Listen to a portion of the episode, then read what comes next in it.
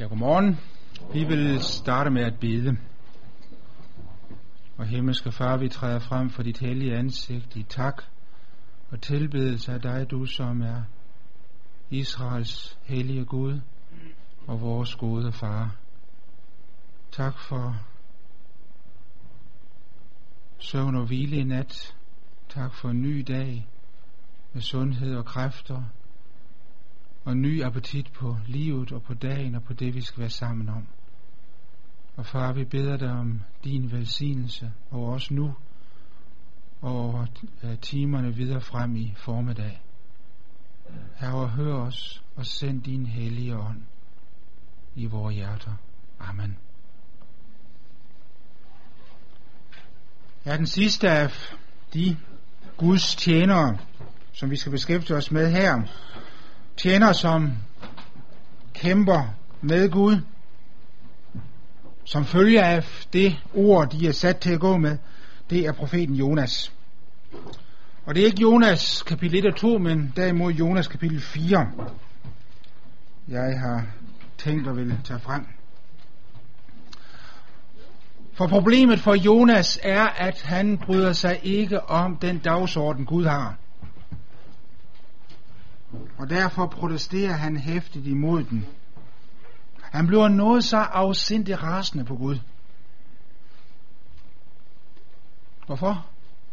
Fordi Gud tilgiver for meget. Og fordi Gud vil tilgive de forkerte. Derfor blev han vred. Jonas har en del til fælles både med Elias og Jeremias.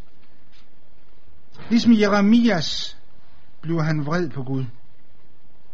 Og ligesom profeten Elias, så ønsker Jonas på et tidspunkt, at han må dø, at Gud må gøre en ende på det hele. Han bruger faktisk nøjagtigt samme formulering, som Elias gjorde det. Herre, tag mit liv. Jeg vil hellere dø end leve. Der er også markante forskelle imellem Elias og Jonas. Elias blev træt af livet, fordi han ingen succes fik. Jonas blev træt af livet, fordi han fik for meget succes.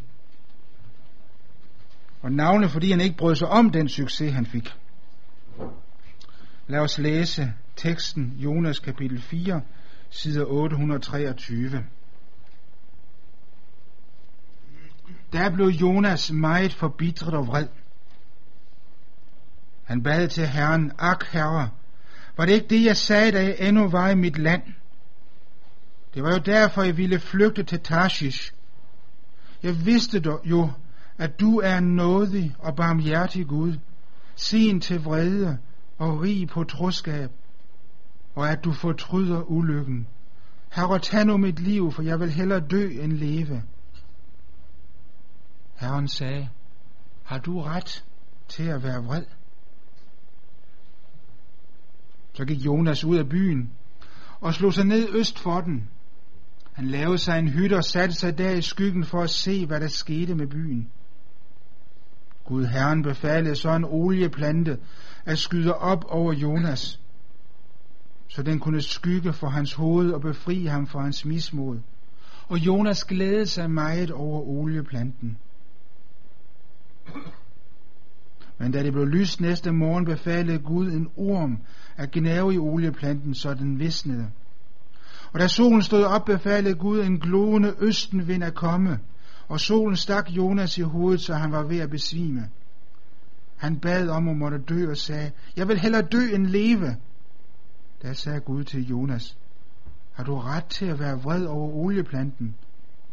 Han svarede, jeg har ret til at være dødelig vred. Da sagde Herren, du har ondt af olieplanten, som du ikke har haft noget arbejde med at få til at gro, men som blev til i løbet af en nat og gik ud i løbet af en nat. Skulle jeg så ikke have ondt af den store by Nineve, hvor der er mere end 120.000 mennesker, som ikke kan kende forskel på højre og venstre, for uden en mængde dyr.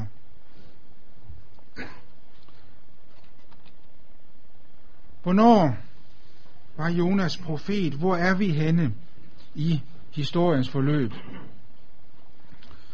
Jonas er profet cirka 780 til 770 før Kristus. Han er den ældste, så at sige, af skriftprofeterne. Og også dermed af de 12 små profeter. Jonas bog er jo en del af 12 profetbogen.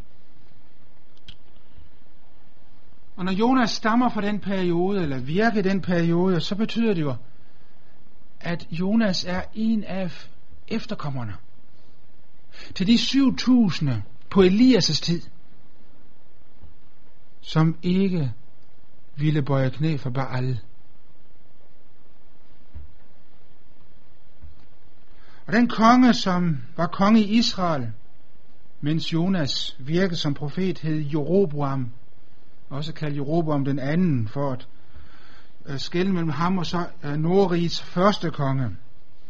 I anden kongebog 14, vers 25, er der en reference, en kort reference til Jonas. Amitai søn fra landsbyen Gatrefa, lidt nord for Nazareth formentlig. I hvert fald i Galilea. Den eneste profet, som vi ved af, eller decideret stammede fra Galilea. Men Jonas' bog handler ikke om Jonas' forkyndelse til Israel. Derimod om hans forkyndelse til Nineve.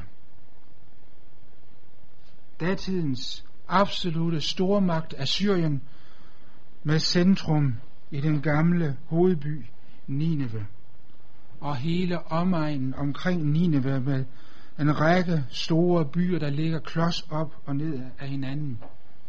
Og i, datidens, eller i nutidens geografiske målestok, så ligger Nineve som del af den moderne øh, kurdiske by Kirkuk, hvis nogen øh, husker, hvor det er, i den nordlige del af Irak. Der finder vi resterne af Nineve. Og der finder vi også at det er en utrolig præcis beskrivelse, som Jonas bogen giver af Nineve, en umådelig stor by.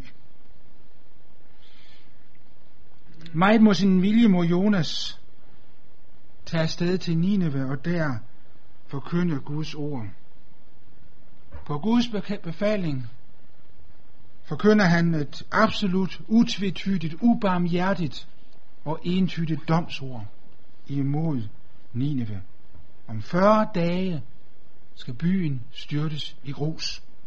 Kapitel 3, vers 4. Men der sker det, at byens befolkning så omvender sig. Det er som en bevægelse starter nedefra. Og den ene efter den anden standser op, ændrer adfærd, lægger det til side, man er i gang med, og bliver nu fokuseret på det ene, hvordan finder jeg himlens Gud som en nådig Gud. De vender om. Til sidst, Nineves konge, som det hedder i kapitel 3, hører om det, der er sket, og blev grebet af den samme åndelige behov. Så han og kredsen af embedsmænd omkring ham beordrer til kollektiv faste, bod og råb til himlens Gud. Det er alt afgørende for dem at finde Guds nåde, om det er muligt. Og i kapitel 3, vers 10 hedder det så, at da Gud så, at de vendte om for deres onde vej, fortrød han og bragte ikke den ulykke over dem, som han havde truet dem med. Gud forbarmede sig. Dommen kom ikke. Byen blev stående. Den fik lov at bestå. Og her er det så, at Jonas 4 begynder. Jonas reagerer med at blive afsindig vred, vers 1. Der blev Jonas meget forbitret og vred. Og hvorfor kommer det ham sådan på tværs? At han fik en indgang, og hans forkyndelse vandt et genklang som sjældent. Det er ikke fordi, at Jonas vil komme til at tage sig ud som en falsk profet, ved at Gud annullerer dommen, fortryder og viser barmhjertighed. Jonas tænker slet ikke på sig selv og sin egen øh, omdømme som profet.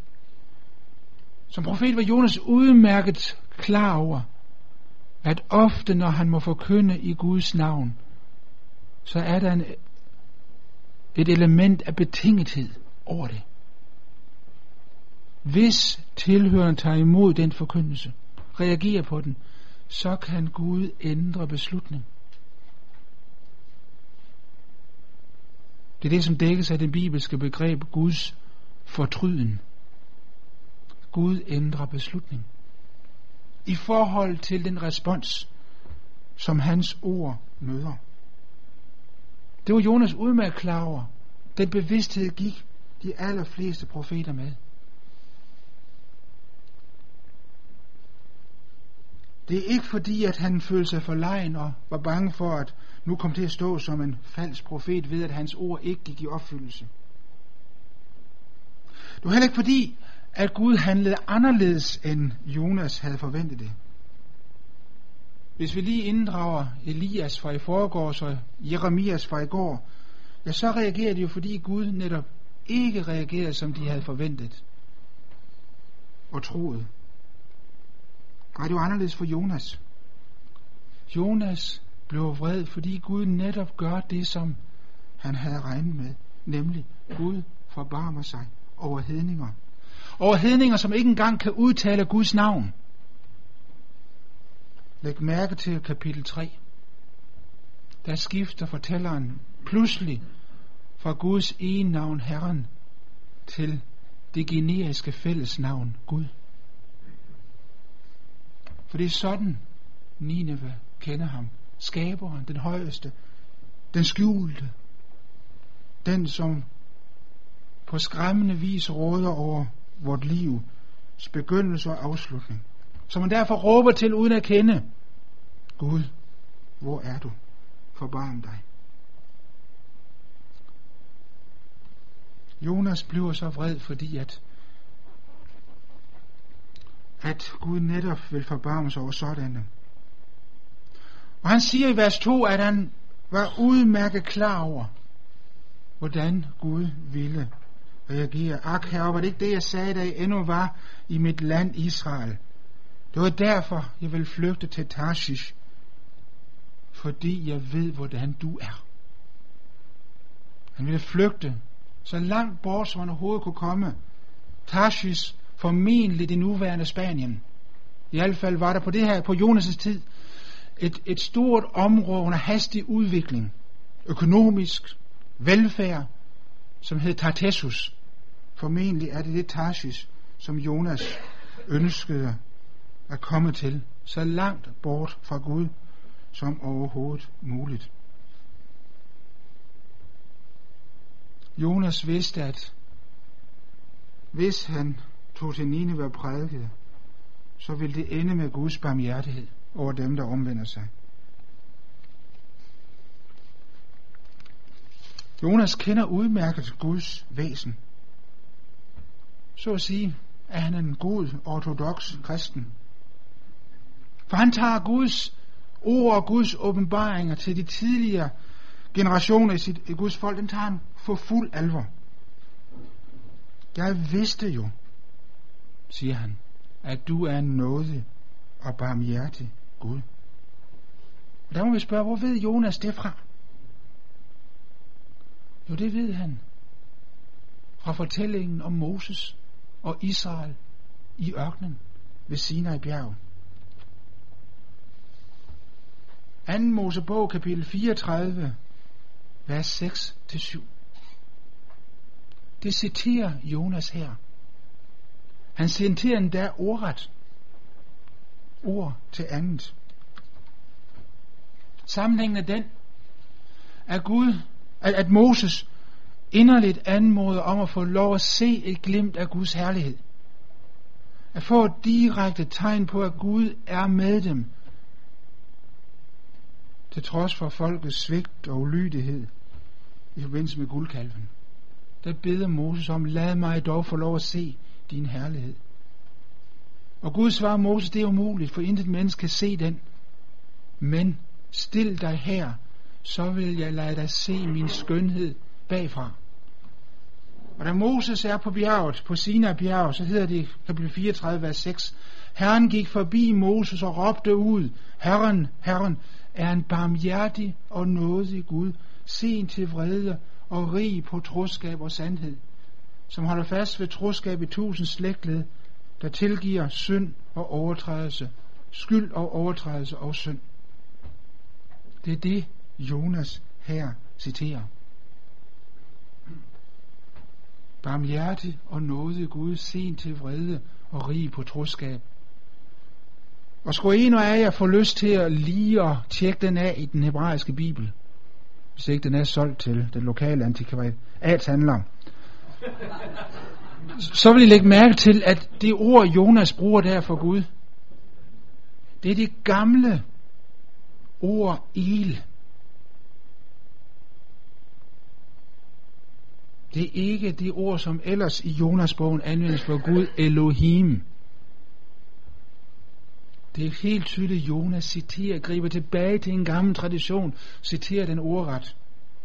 At han så som alle andre præster og prædikanter godt kan finde ud af at bytte om på øh, ledende, det er så noget andet, men, men han citerer.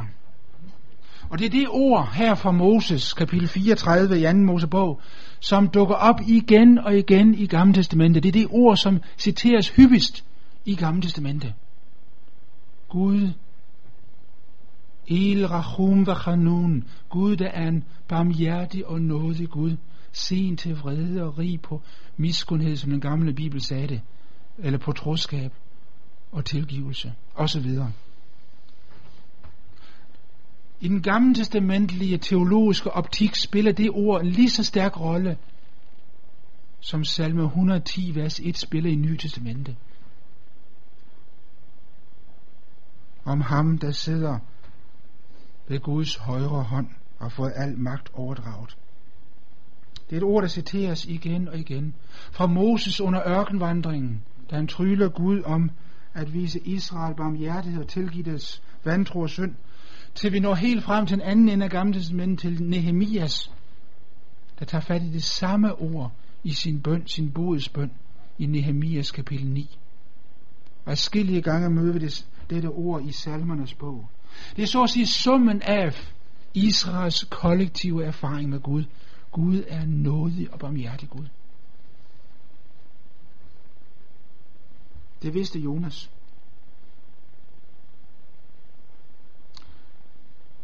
Og dette, denne stærke, stærke ønske hos Gud om at tilgive, vise barmhjertighed, at kunne erstatte vreden med barmhjertighed, det skræmte Jonas. Det var ham imod. Han kunne ikke med den dagsorden. Og så var han blevet vred over, formodentlig også at blive så at sige presset til at skulle virkelig gøre den dagsorden, uden at ønske det. For det betød jo, at ikke bare Israel kunne møde denne overvældende godhed fra Guds side, men også hedningerne. Selv de assyrere, som gør sig til at være datidens store magt, og som fører sig frem med utrolig brutalitet og hårdhed. Jonas forstod Guds ord alt for vel, og det kunne han ikke lide. Han kunne ikke med Guds dagsorden, at Gud heller vil annullere dommen, end at effektuere den. Og det er måske derfor, at vi fra tid til anden kan finde prædikanter, som nok i teorien fastholder skriftens troværdighed og autoritet, men alligevel på et eller flere punkter forkynder anderledes end det gudsbillede, som de selv kan læse og se, at skriften har. For de kan ikke med hele det bibelske billede af Gud eller Kristus. Der er noget aldeles selvcentreret over Jonas. Og hans bøn i vers 2-3. Hele ni gange siger han, jeg og mi, mig og mit. I hvert fald hvis I læser den øh, på hebraisk. På dansk er det blevet til syv gange, hvor han, hvor han bare siger jeg og mit. Og der skal vi huske på, at Jonas har jo selv erfaret Gud som den frelsende Gud i kapitel 2. Da Gud udfriede ham fra den store fisk, Jonas udbryder jublende i kapitel 2, vers 10. Frelsen kommer fra Herren. Han har selv mærket, hvordan Gud griber ind af ren barmhjertighed og udfrier ham til trods for blindhed, vantro og ulydighed. Når så Jonas har i allerhøjeste grad personligt erfaret det, han her siger, at han ved, at Gud er nådig og barmhjertig. Men den tilgivelse under han på ingen måde Ninevas indbygger. Nåden er kun for nogle bestemte. Nåden er for de rigtige. Nåden er ikke for dem uden for Israel. Jonas har ikke lært gavmildhed og barmhjertighed, til trods for at han har mødt Guds frelse. Han er den samme som før. Hans egen åndelige erfaring har ikke skabt noget nyt i hans hjerte. Og Guds ufortjente nåde mod dem, der omvender sig og kalder på ham, vækker ikke hans glæde, men hans vrede.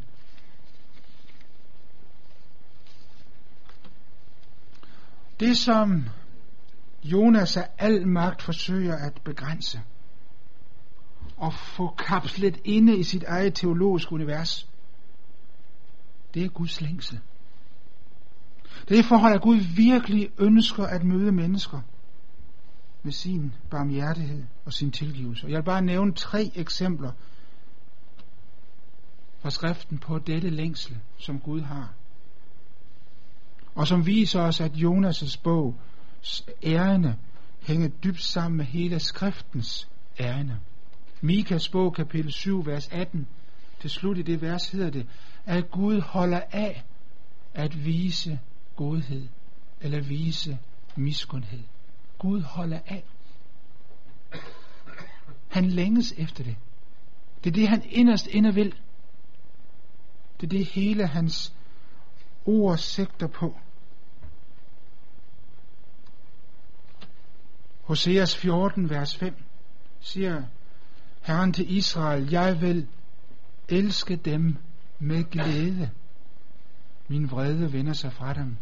Jeg vil elske dem med glæde. Ordret står jeg vil elske dem frivilligt. Af mig selv. Ikke på grund af noget hos Israel, men på grund af mit eget hjerte. Et eksempel fra Lukas evangeliet kapitel 15, vers 20. Lignelsen om den fortabte søn. Ja, der hedder det, at da faren ser sønnen, så fik han medynk med ham og løb hen og faldt ham om halsen og kyssede ham.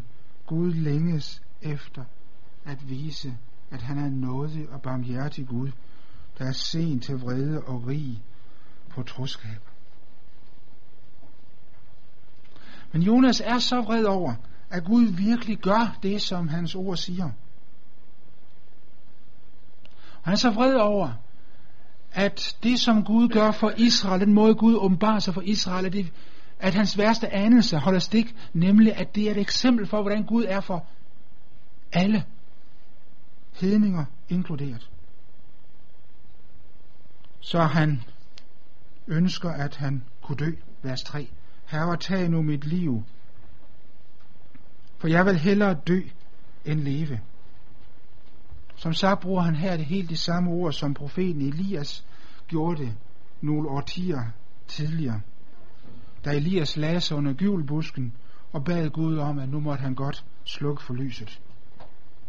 Så grotesk er, er Jonas i hans tankegang. Så hans liv som profet, som tjener, er blevet aldeles meningsløs på grund af Guds godhed. Så grotesk er den holdning, som Jonas er dreven af. Og derfor spørger Gud der også i vers 4, har du ret til at være vred? Gud stiller det som et spørgsmål for at udfordre Jonas til selv at arbejde sig frem til at formulere svaret. Jonas er ikke i sin gode ret til at være fornærmet. Men Jonas svarer ikke et ord.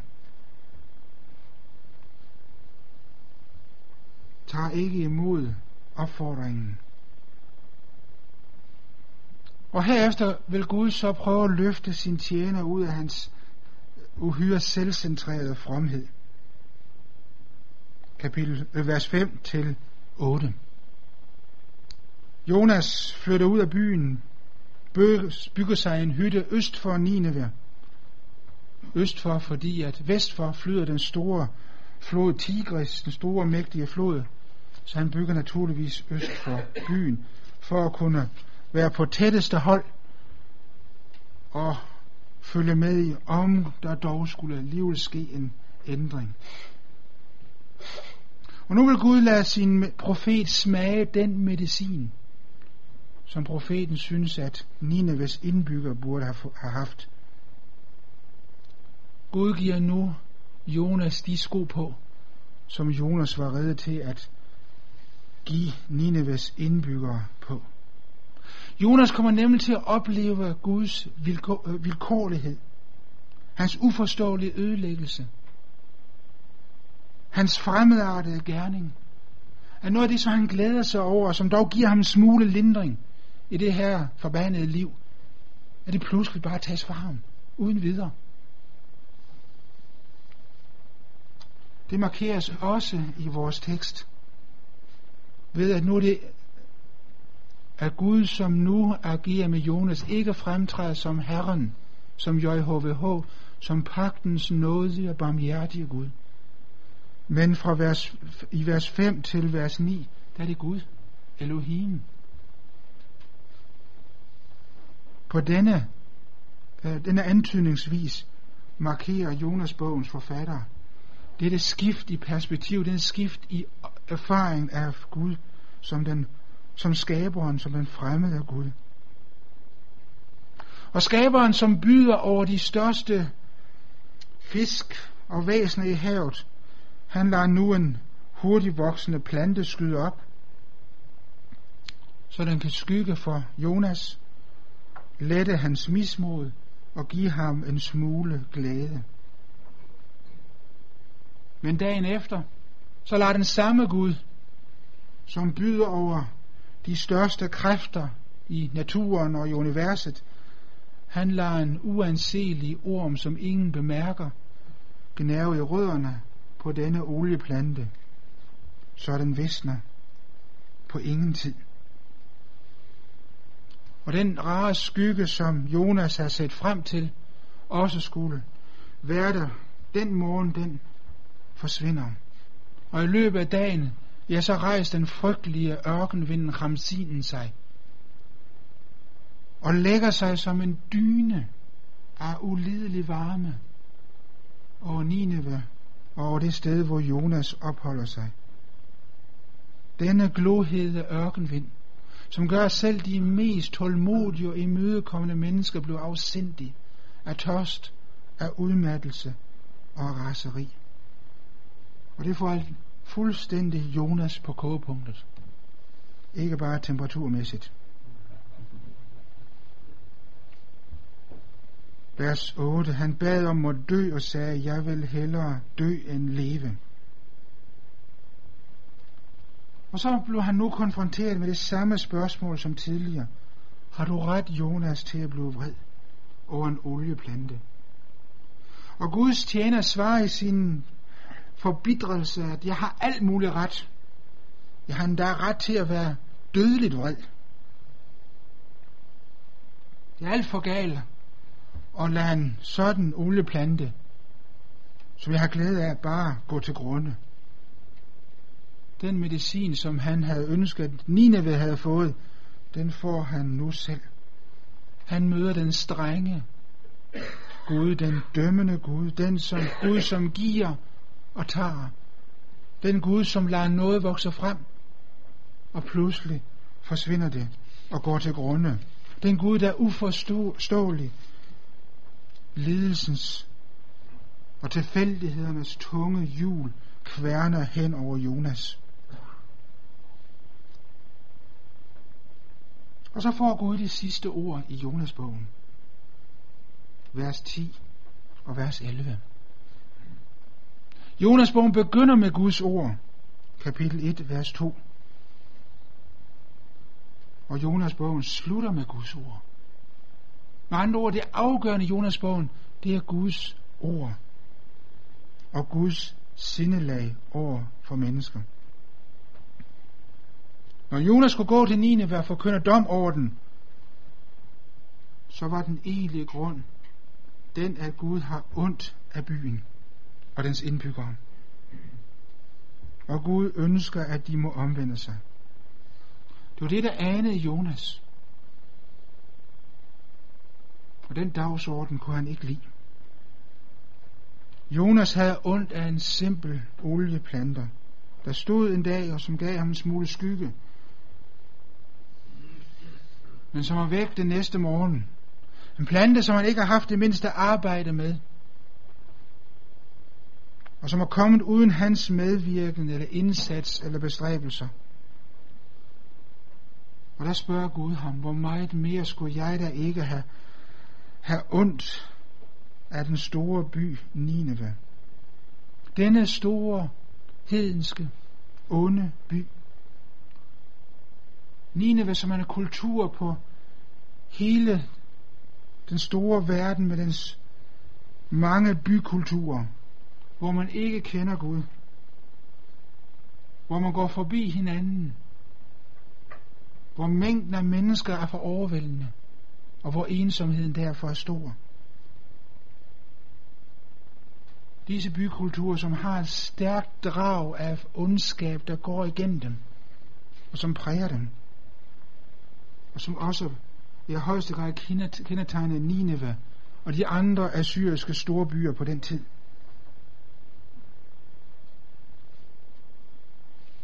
Gud har ondt af dem.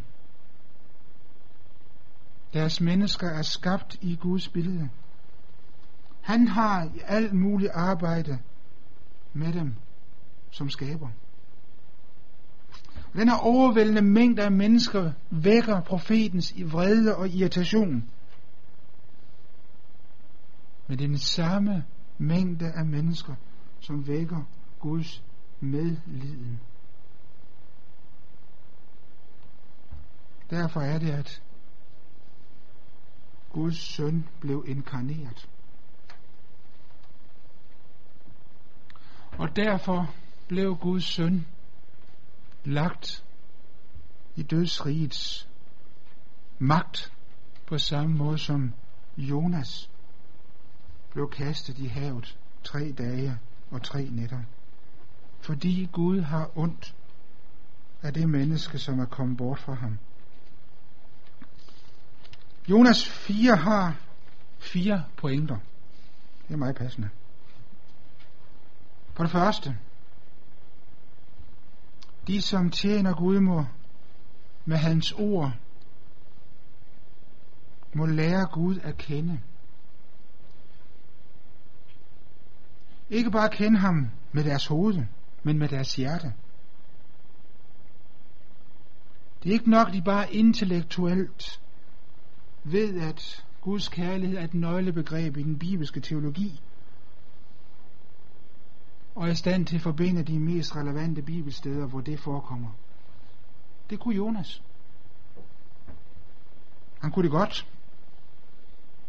Han havde endda en fornemmelse for den hele bibelske implikation af Guds udvælgelse af Israel og Guds nåde mod Israel. Og det brød han sig ikke om. Jonas 4 udfordrer os til, at vi ikke bare skal vide det med vort hoved, men også i vort hjerte sige ja til det. Er der samklang mellem det, som vi arbejder på, og så det, som Gud arbejder på? For det andet, så understreger Jonas 4, at Guds inderste ønske, at et hvert menneske, uanset hvem de er, må vende om og tage imod og modtage frikendelse og tilgivelse af skyld.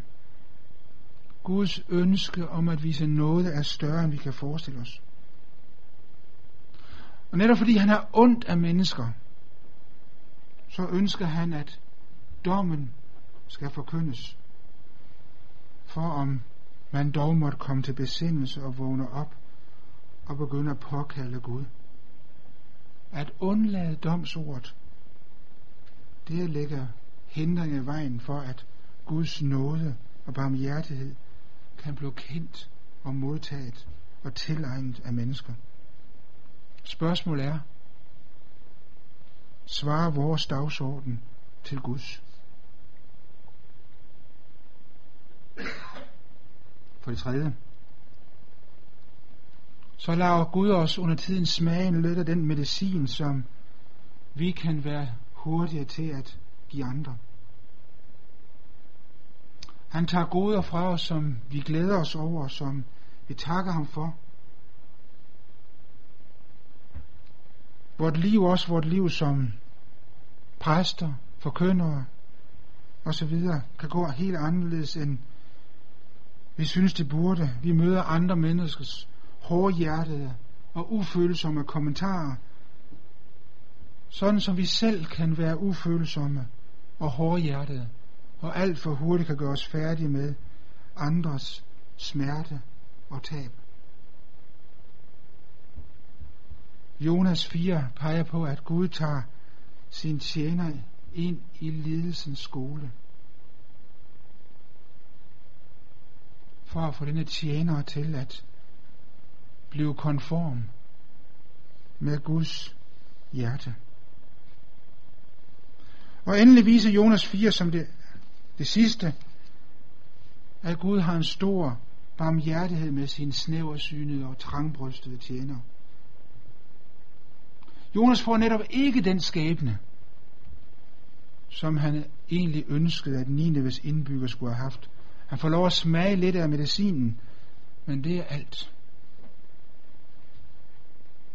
Gud arbejder på, at han, at også Jonas må begribe Guds dagsorden og bifalde den. Her slutter Jonas 4. Hvordan reagerede Jonas på det? Vi ved det ikke. Den rabbinske tradition siger, at Jonas bøjede sig og bekendte Gud, sandelig du er stor, du som er nådig og barmhjertig og gerne tilgiver.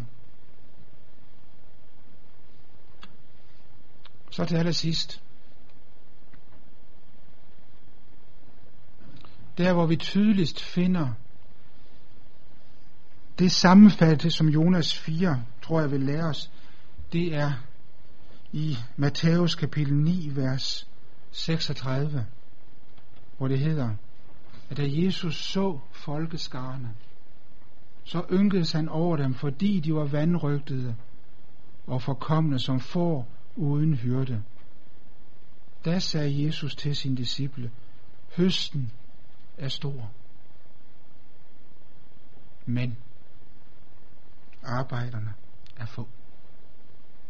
Lad os bede. Og vi vil give mulighed for, for kort stillhed.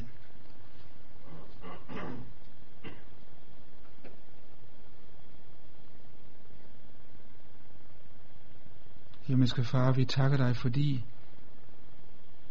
at du virkelig længes efter at vise noget.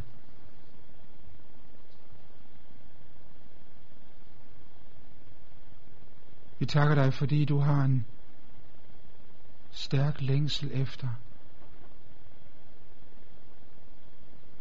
at mange flere må kende dig og kende dig som en nådig barmhjertig Gud, der er sent til vrede og gerne tilgiver. Far, tak fordi at vi har fået lov at kende dig som sådan. Tilgiv os vor egen svigt. Tilgiv os der, hvor vi er i slægt med Jonas og vil begrænse dig. Forbarm du dig over os. Og giv os dit sindelag, dine øjne.